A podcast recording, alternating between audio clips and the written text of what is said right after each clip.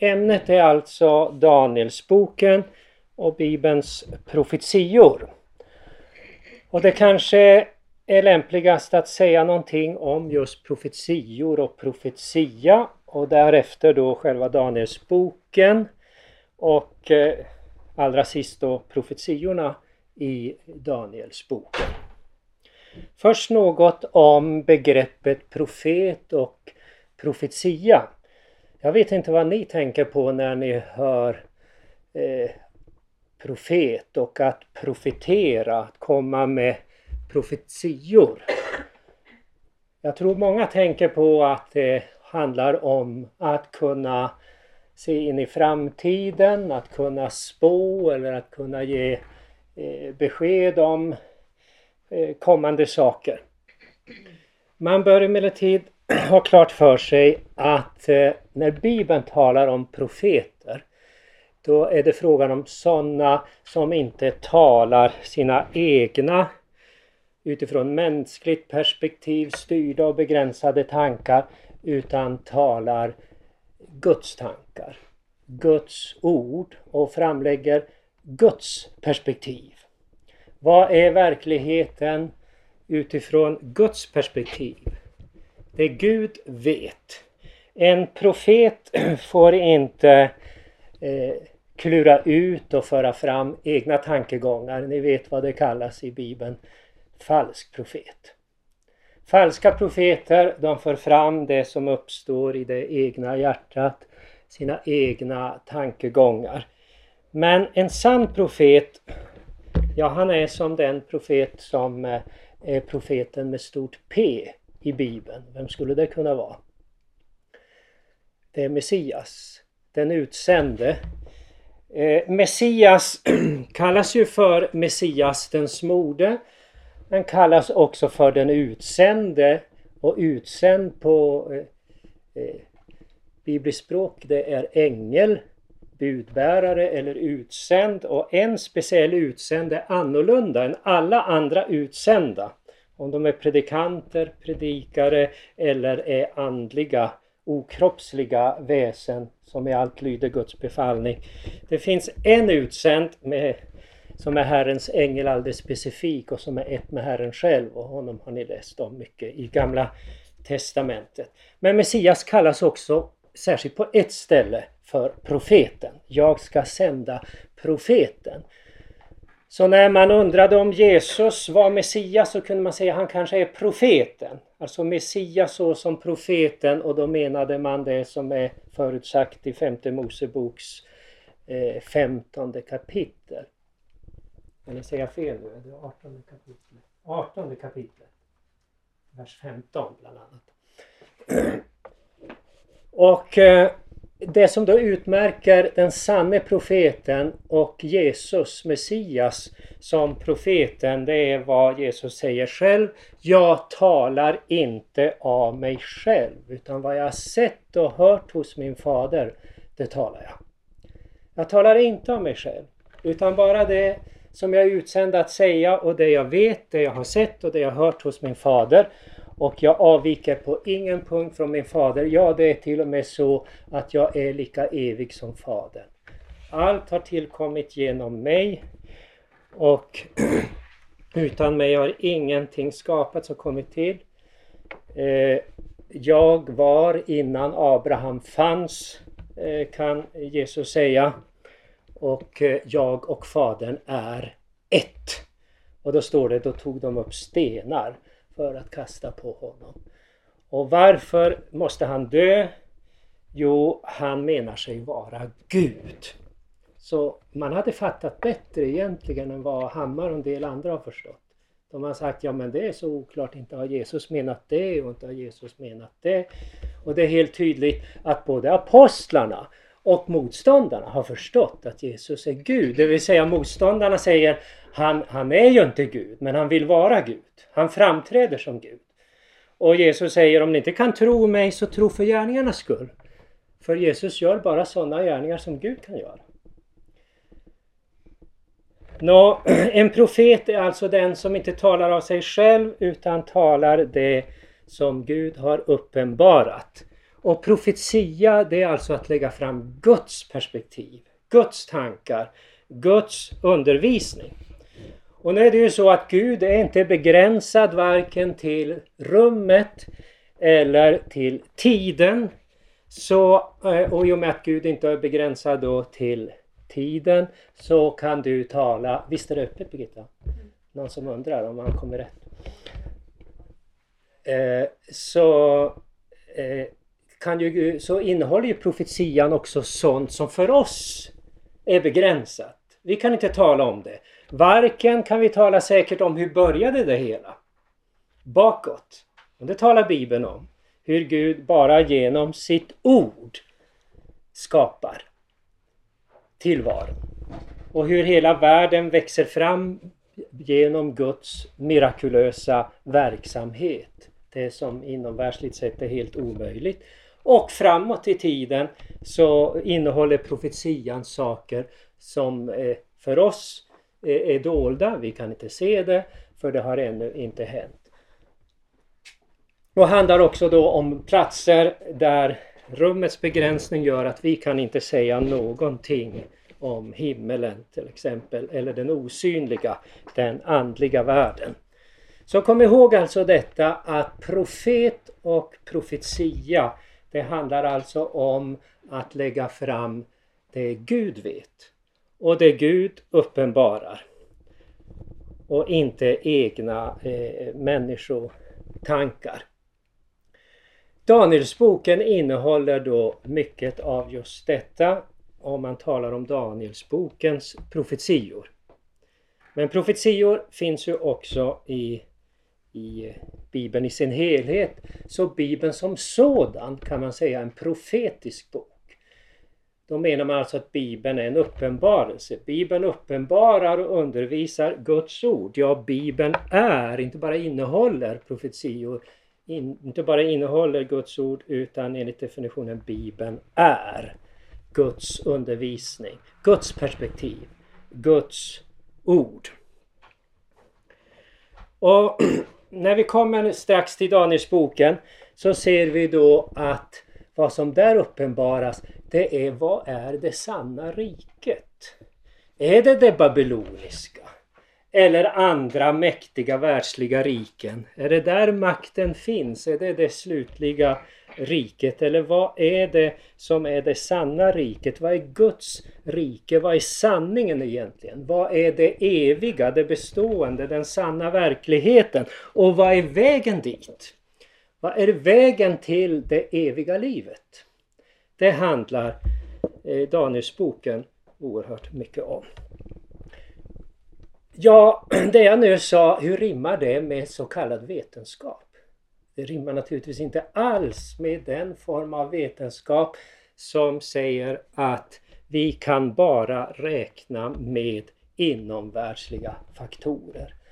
Per definition så handlar ju Bibeln och profetian om sådant som inte har sin förutsättning i inomvärldsliga möjligheter och faktorer.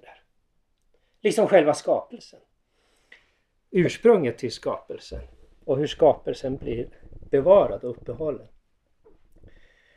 Och det får ju oerhörda konsekvenser i synnerhet för de böcker där hela poängen är att Gud tröstar med att dra bort gardinen, dra bort ridån och så får vi blicka in i den sanna verkligheten.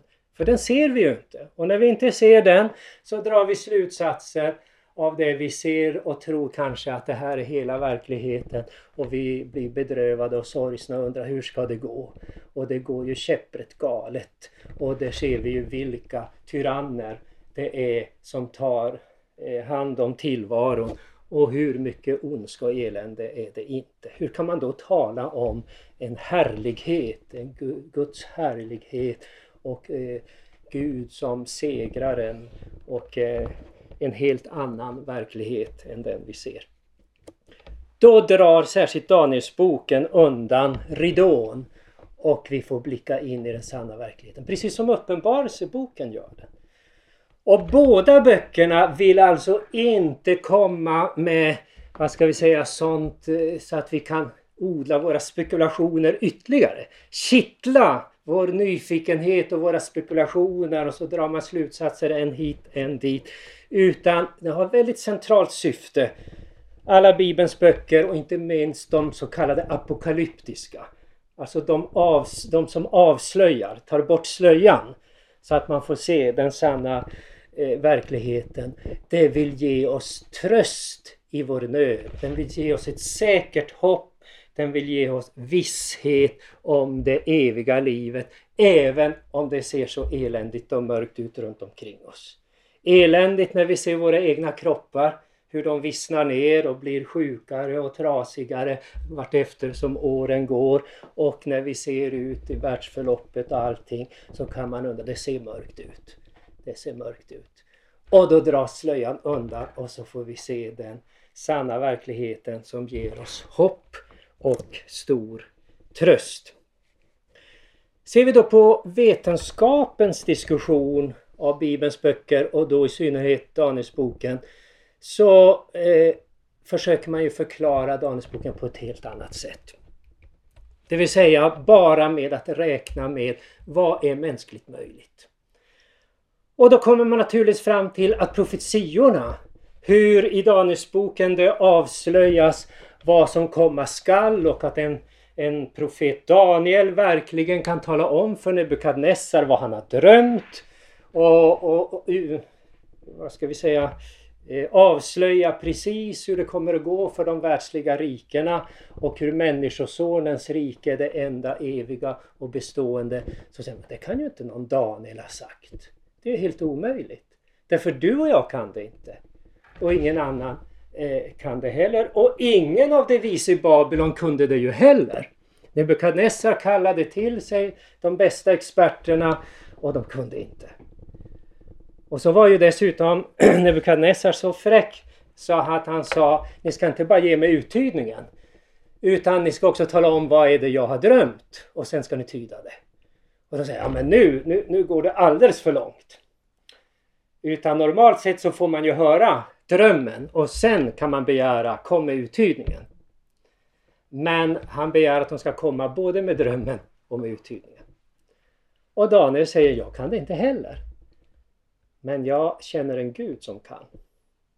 Och den är Gud uppenbarade. Ja, detta kan man tro och detta kan man förkasta. Men det problematiska med att, att studera eh, Danielsboken utifrån otrons synpunkt är att den är ändå också omöjlig för otron.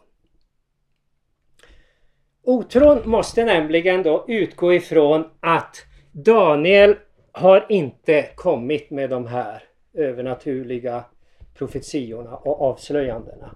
Utan det måste vara någon anonym jude som långt, långt senare har upplevt de olika rikena och sen har eh, klätt sin berättelse som om det är en person som långt tidigare har profeterat det här. Det är alltså sånt som, som redan har hänt. Det är inga verkliga profetior. Det är fingerade framtidsförutsägelser. Det är ett fromt bedrägeri.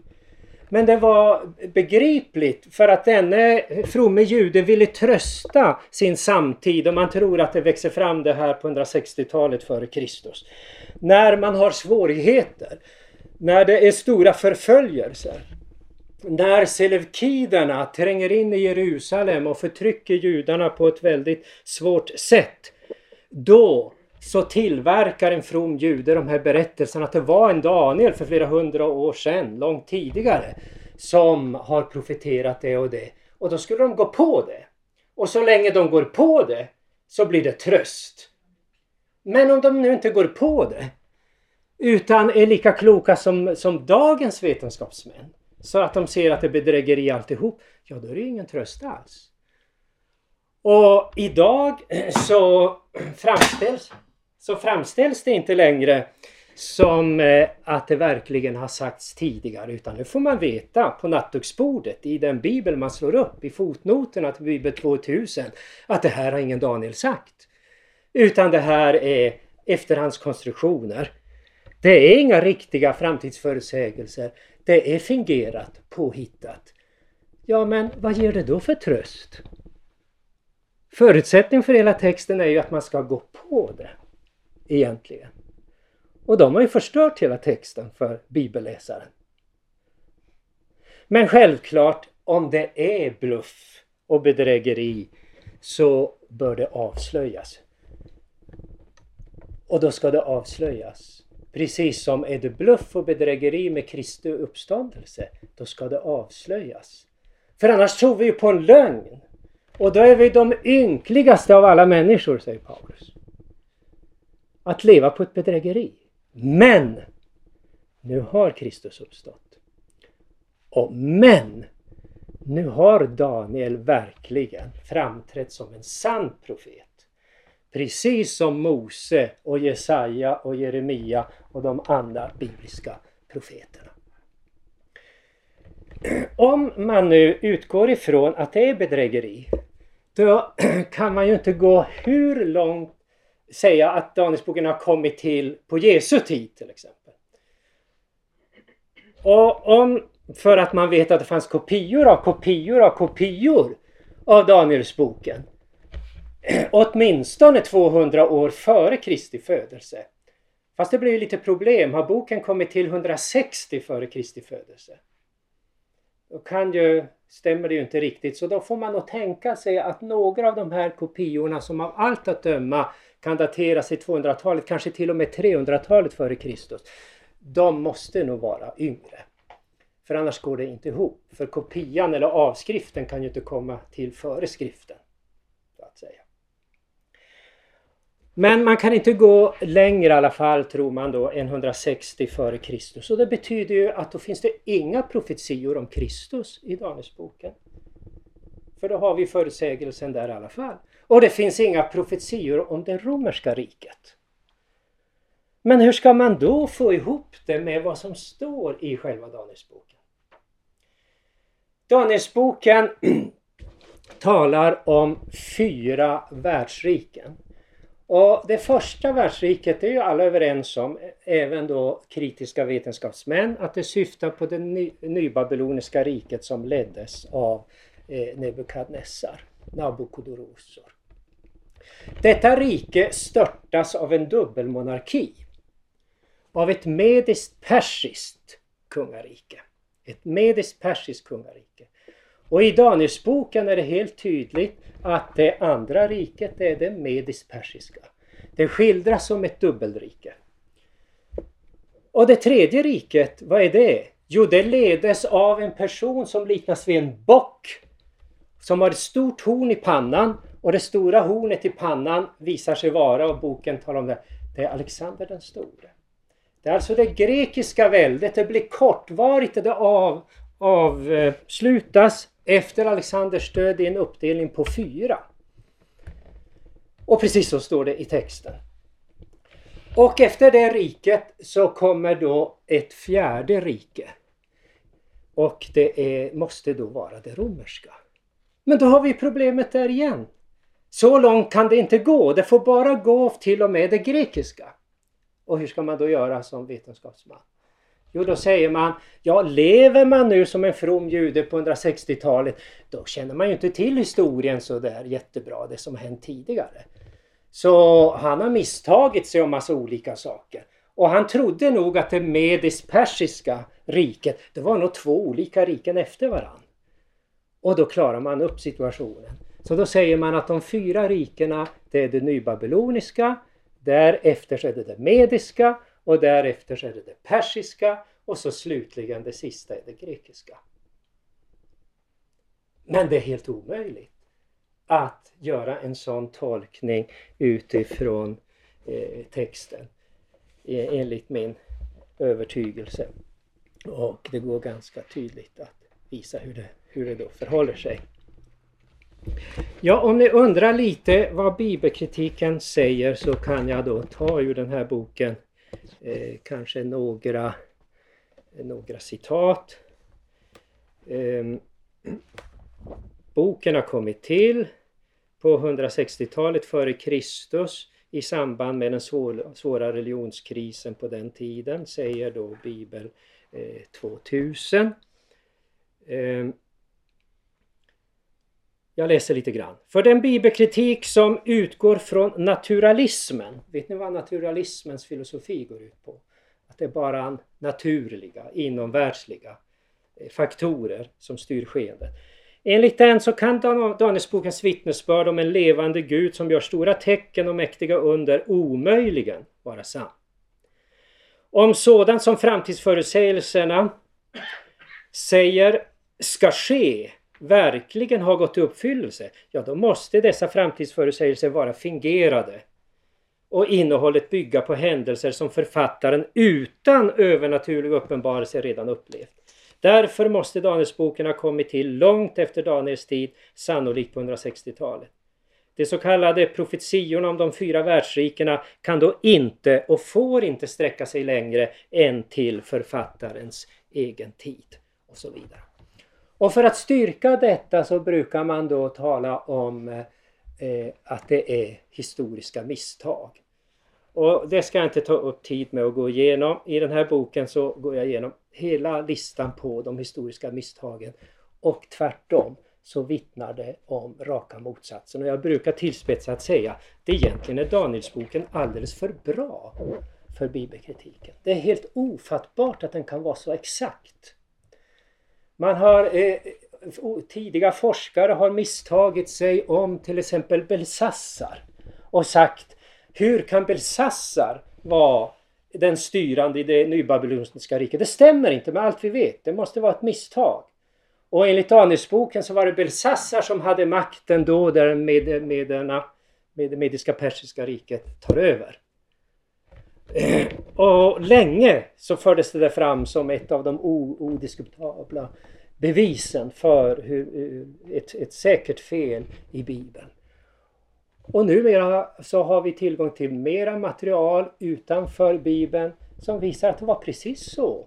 Att visserligen var det Nabonidus, Nabonaid, som var den formella kungen men han la sin hängmatta i, i, i en oas och, och, orkade inte med styret utan lämnade över det åt Belsassar. Och det var Belsassar som var den sista kungen. Men formellt så var det Nabonidus. Och därför ser man hur märkligt exakt Daniel är. För enligt Danielsboken så säger Belsassar kan du tyda skriften på väggen. Ni kommer ihåg detta? Den, den hediska festen som man har strax före undergången. Där det står på väggen Mené, Mené, Tukel och Farsin. Och ingen förstår vad det är. Och Belsassar såg handen som skrev det på väggen. Och eh, då säger Belsassar om det finns någon av de lärde som kan det här så ska han bli den tredje i riket. Och det är väldigt konstigt för så sa man aldrig. Man sa alltid ska bli den andra i riket. Alltid. Precis som det var med Josef, han blev den andra i riket efter farao. Men eftersom Belsassar själv var den andra i riket så blir alltså Nabonidus närmaste man den tredje. Samma sak är när det gäller språkbruket. När det gäller arameiskan i Danielsboken så är det inte den sena arameiskan från 160-talet före Kristus utan det är diplomatspråket på 500-talet. Riksarameiskan som var ett diplomatspråk över hela den dåtida världen. Och, och det är många andra detaljer som eh, blir väldigt problematiska för, för eh, bibelkritikerna. Men nu då till lite närmare till eh, eh, se vad texten säger om de här rikena och vad poängen är nu med detta. Jo, det såg ju ut för de troende som om de världsliga rikena skulle totalt radera ut de troende och helt ta över makten. Men Danielsboken avslöjar att fasten Nebukadnessar är så stor och stark och hans rike så mäktigt så är det ändligt. Det kommer att gå under. Och det kommer att ersättas av ett annat rike som är väldigt kraftfullt och starkt. Det medisk-persiska. Men det kommer också att gå under. Och det kommer att eh, ersättas av ett annat rike som är så starkt. Alexanders rike. Och hans efterföljares rike. Om ni undrar om de här efterföljarna så kanske jag ska eh, lyfta fram det. När Alexander hade dött 323 så delades hans väldiga rike upp på fyra av hans generaler. Kassandros var en av dem. Han fick Makedonien med Grekland.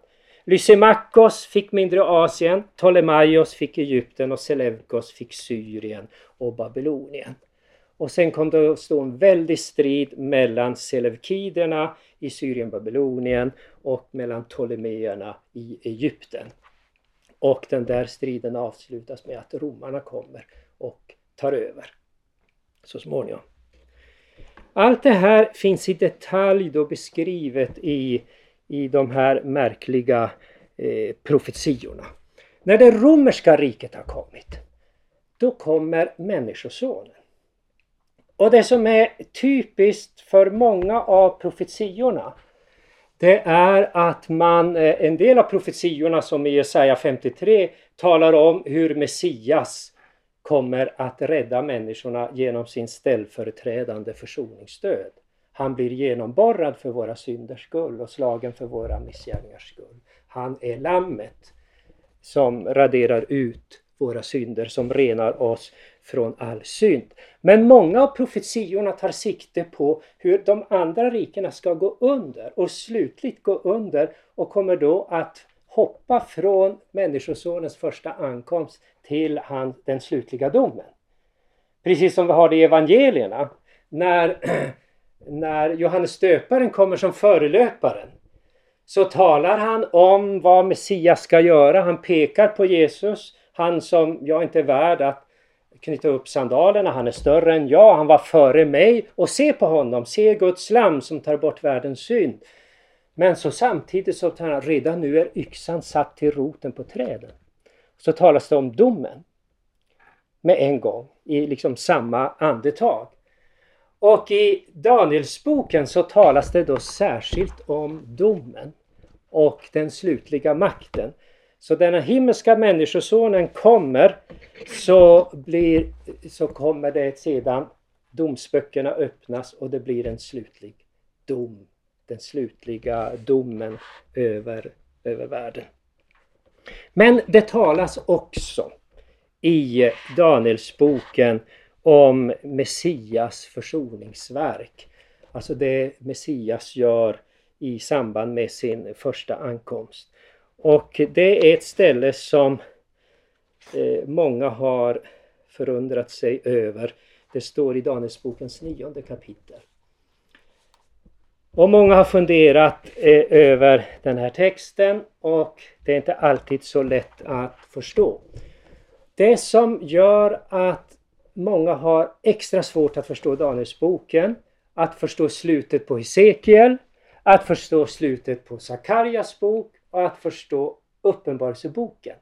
Det är därför att det använder så oerhört många bilder och sifferkombinationer, symboliska uttryckssätt. Och man har inte riktigt förstått det. I Daniel så förekommer ordet tio. I samband med det romerska riket så dras från det romerska riket alla riken ändå fram till den yttersta dagen. Människosonen kommer och domen fälls. Tio är i Bibeln totalitetens tal. Helhetens, totalitetens tal. Det är därför som när man säger hela tiden, totaliteten från Adam till Noa och totaliteten från Noa till Abraham så är det tio. Det nämns som tio släktled. Fastän vi enligt Lukas vet att det var minst elva släktled fram till Noa. Så man tar eh, sådana här tal som 10 plus 10 för att markera hela, hela sammanhanget. Och när man här om det fjärde djuret talar om det har tio horn. Så talar och, och hur det var splittrat. Så är det alla riken med stora och mäktiga förstar och de är i krig med varandra och de är splittrade precis som lera och järn inte går ihop riktigt. Det är ett söndrat rike. Men ändå väldigt fruktansvärt och väldig makt och kommer att förfölja Herrens heliga. Talet 10 står alltså för hela, hela tiden fram till den yttersta dagen. Talet 4 det är världens tid. Så när man tar, talar om de här fyra rikena så tar då eh, um, Daniel upp det nybabyloniska, det grekiska, det, det, det medisk-persiska, det grekiska och sedan ytterligare ett, det fjärde riket då som går till tidens slut. Det står ju inte romerskt rike i texten utan vi kallar det för romerska riket eftersom det börjar med det romerska riket. Men sen talas det om bena och om tårna och allt det här. Nå, fyra står ju för jorden. Jordens fyra hörn kan det stå ibland. Det är världens tal. Tre är Guds tal. Och när Gud förbarmar sig över världen och oss människor, då är det talet sju. Fyra plus tre är sju, försoningen. Visst är ni med? Och, men nu finns det då somliga som inte, inte tänker att ah, det kan inte vara på det viset med, med talen utan man försöker att och, och räkna på olika sätt. Eh, och, och eh, går, kanske, går eh, bort sig kanske i de här sakerna. Likaså vill vi veta lite mera exakt när kommer ändens tid? Frågar Daniel. Han får inte veta på det. det. Det räcker det här. Han får veta hur det ska gå men han får inte reda på exakt tiden. Lika lite som Jesus uppenbarade i Nya Testamentet. Om den dagen, den stunden vet inget något. Ingen utan Fadern. Sonen själv frivilligt lämnar den, det vetandet åt sidan. Något som för oss är svårt att förstå eftersom Sonen och Fadern är ett. Kapitel 9 berättar om hur Daniel, när han är där borta i Babel och nu har eh, den babyloniska eh, eh, ockupationen upphört därför det mediska persiska riket har kommit. Och då läser Daniel i Jeremia 29 och Jeremia 25 att efter 70 år så ska jag uppfylla mitt löfte för er och föra er tillbaka till denna plats. Och då undrar Daniel, ja men då, då det är i stort sett 70 år nu. Är det inte dags? Och då fungerar profetiorna så här att de har ofta en, ska vi säga en dubbel uppfyllelse. Först ytterligare en uppfyllelse som är ytterligare en predikan om den fullständiga uppfyllelsen. Hänger ni med? Det kan vara så att, låt oss säga, när Davids son ska komma så blir Salomo som Davids son en uppfyllelse av det löftet. Men är samtidigt inte den fulla uppfyllelsen utan denne Davids son är i sin tur ett vittnesbörd om att det ska gå i fullbordan och det ska komma en Davids son i, i fullständigare form. På samma sätt när det talas om frälsningen genom att man förs i slaveriet ut ur Egypten så är det en uppfyllelse. Precis som Gud hade lovat så tog han sig an sitt folk och räddade dem ur Egypten. Men det är ändå inte den fulla frälsningen utan denna frälsning predikar om en ännu fullkomligare frälsning. Så eh, räddningen ut ur Egypten står som en predikan att Gud håller sitt löfte. Ni ser vad som hände och det ska komma nu en fullständig frälsning. Samma sak när det utlovas räddning för Jerusalem och det går i fullbordan år 701 f.Kr assyrierna som belägrar Jerusalem raderas ut, kan inte inta staden fastän det såg så ut. Och det är en predikan om hurdan den stora, riktiga andliga frälsningen är. På samma sätt här, när de nu får möjlighet genom Koresh att vända tillbaka, så det är en uppfyllelse av löftena, att de ska få komma tillbaka till sitt land. Men är inte den fullständiga uppfyllelsen utan en predikan om Gud håller sitt löfte och det ska komma ett mycket större, ett, mycket, ett fullständigare tillbakakommande. Eh, och för att framhäva det större så säger det, ja då är Sion det högsta av alla berg. Till exempel. Utan att det menas att det kommer vara 9000 meter högt. Utan talat om att då Guds rike som Messias upprättar och som är i ringhet och ser så litet ut, det är det största. Det är det eviga. Det är det sanna riket. Det är det minsta av alla korn, som senapskornet. Men det blir större än allt annat. Det är det, det stora och, och det sanna. På samma sätt får nu Daniel veta att det här med de eh, 70 åren predikar om den, den större återkomsten och frälsningen som ska komma genom eh, Messias. Och då framställs detta stora i sex punkter i 9.24. 70 veckor är bestämda över ditt folk och över din heliga stad för att för det första göra slut på överträdelse. För det andra försegla synder. För det tredje försona skuld. För det fjärde föra fram en evig rättfärdighet. För det femte fullborda syn och profetia. Och för det sjätte smörja det allra heligaste. Hela frälsningsverket skildras med, med de här, i de här sex punkterna. Och sen undrar man då om hur ska då eh, resten förstås? Och det blir då en predikan om vad som ska händas med Messias och hur han ska förgöras och helt utblottas i 9.26 och hur staden sedan ska förstöras genom en främmande furste. Det vet vi, det var Titus och romarna som sen kom och ödelade helt och, och hållet staden.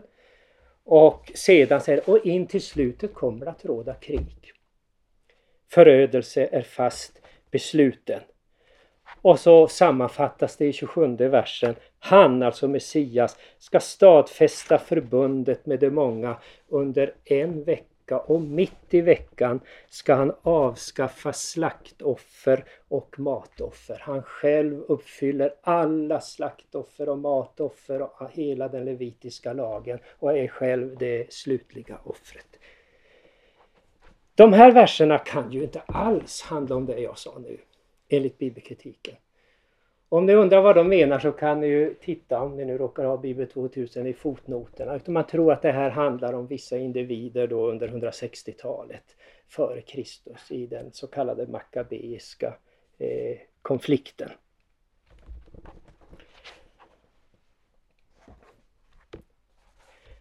Jag läser lite här. Konsekvensen av den statliga bibelkommissionens utgångspunkt det blir att inte heller Daniel 9, 24-27 kan handla om Messias och hans frälsningsverk. Allt måste ju tolkas och tillämpas på något som den tänkte författaren på 160-talet före Kristus upplevde och på ett naturligt sätt kunde känna till. Följaktligen kan den smorde försten i 9.25 inte syfta på Messias. Bibelkommissionen skriver i noten till denna vers vem som åsyftas är osäkert. Man har tänkt på perserkungen Kyros, Serubabel, översteprästen Josua eller översteprästen Onias den tredje som betalas om andra Makabeboken 3.1. I 9.26 står ordagrant efter de 62 veckorna ska den smorde förgöras helt utblottad. Här är det svårt att inte associera till Messias och hans totala utblottelse och död till försoning för alla människor. Men Bibelkommissionen ändrar det ordagranna helt utblottat till försvinna. Det är ju något helt annat. Och ursäktar denna förvanskning med en not som säger grundtextens innebörd osäker. När det gäller vers 27 kan naturligtvis inte denna vers handla om Messias stadfästande av det nya förbundet och Jerusalems förstöring av romarna år 70 efter Kristus. Enligt Bibelkommissionen måste denna vers handla om sådant som hände på Antiochus den fjärde Epifanes tid. Det vill säga på den tid då bokens författare ska ha levt. För de som tror att Jesus är en bättre bibeltolkare än bibelkritikerna avslutar jag denna punkt med att citera Jesu ord enligt Matteus 24, 15, 16. När ni då ser förödelsens styggelse som profeten Daniel talar om, stå på helig plats. Den som läser detta bör noga lägga märke till det. Då måste de som är i Judeen fly bort till bergen. Och den där förödelsens styggelse talas det om som också är en sån här eh, vad ska vi säga, förhandsuppfyllelse och en predikan i sin tur om den stora förödelsen som kommer mitt inne i kristenheten som kallas för den antikristliga eh, förstörelsen. Så Antiochus eh, den fjärde, det, eh, han var eh, en förebild för, den, för förödaren och likaså det som sker genom romarna. Och sedan talas det om hur när apostlarna har gått ur tiden, hur, hur det sker mitt i kristenheten en, en förvrängning och en förödelse av, av sanningen. Danielsboken slutar sen med hoppet om kroppens uppståndelse och evigt liv. Också detta vittnar om enligt bibelkritiken att boken kan inte vara äkta. För man hade inte lyckats tänka fram den tanken ännu att det finns en de dödas uppståndelse. Ja men säger man, ja men Job 19, 25 till 27 då? Ah, det är så suddig text och det kan inte betyda det. Så, jaha, ja men eh, Hosea 6.2 då? Hur han på tredje dagen ska stå upp och allt detta. Eller Jesaja 24 till och med 27. Jesaja 24 till och med 27 det är apokalyptiskt material och sånt måste vara sent så det är sena tillägg till Jesaja-boken. Som har kommit till långt senare. Ja men Daniel 12 då? Ja men det är inget problem för Daniel har ju kommit till först på 160-talet. Säger man då. Och eh, det är ju spännande hur Daniel slutar.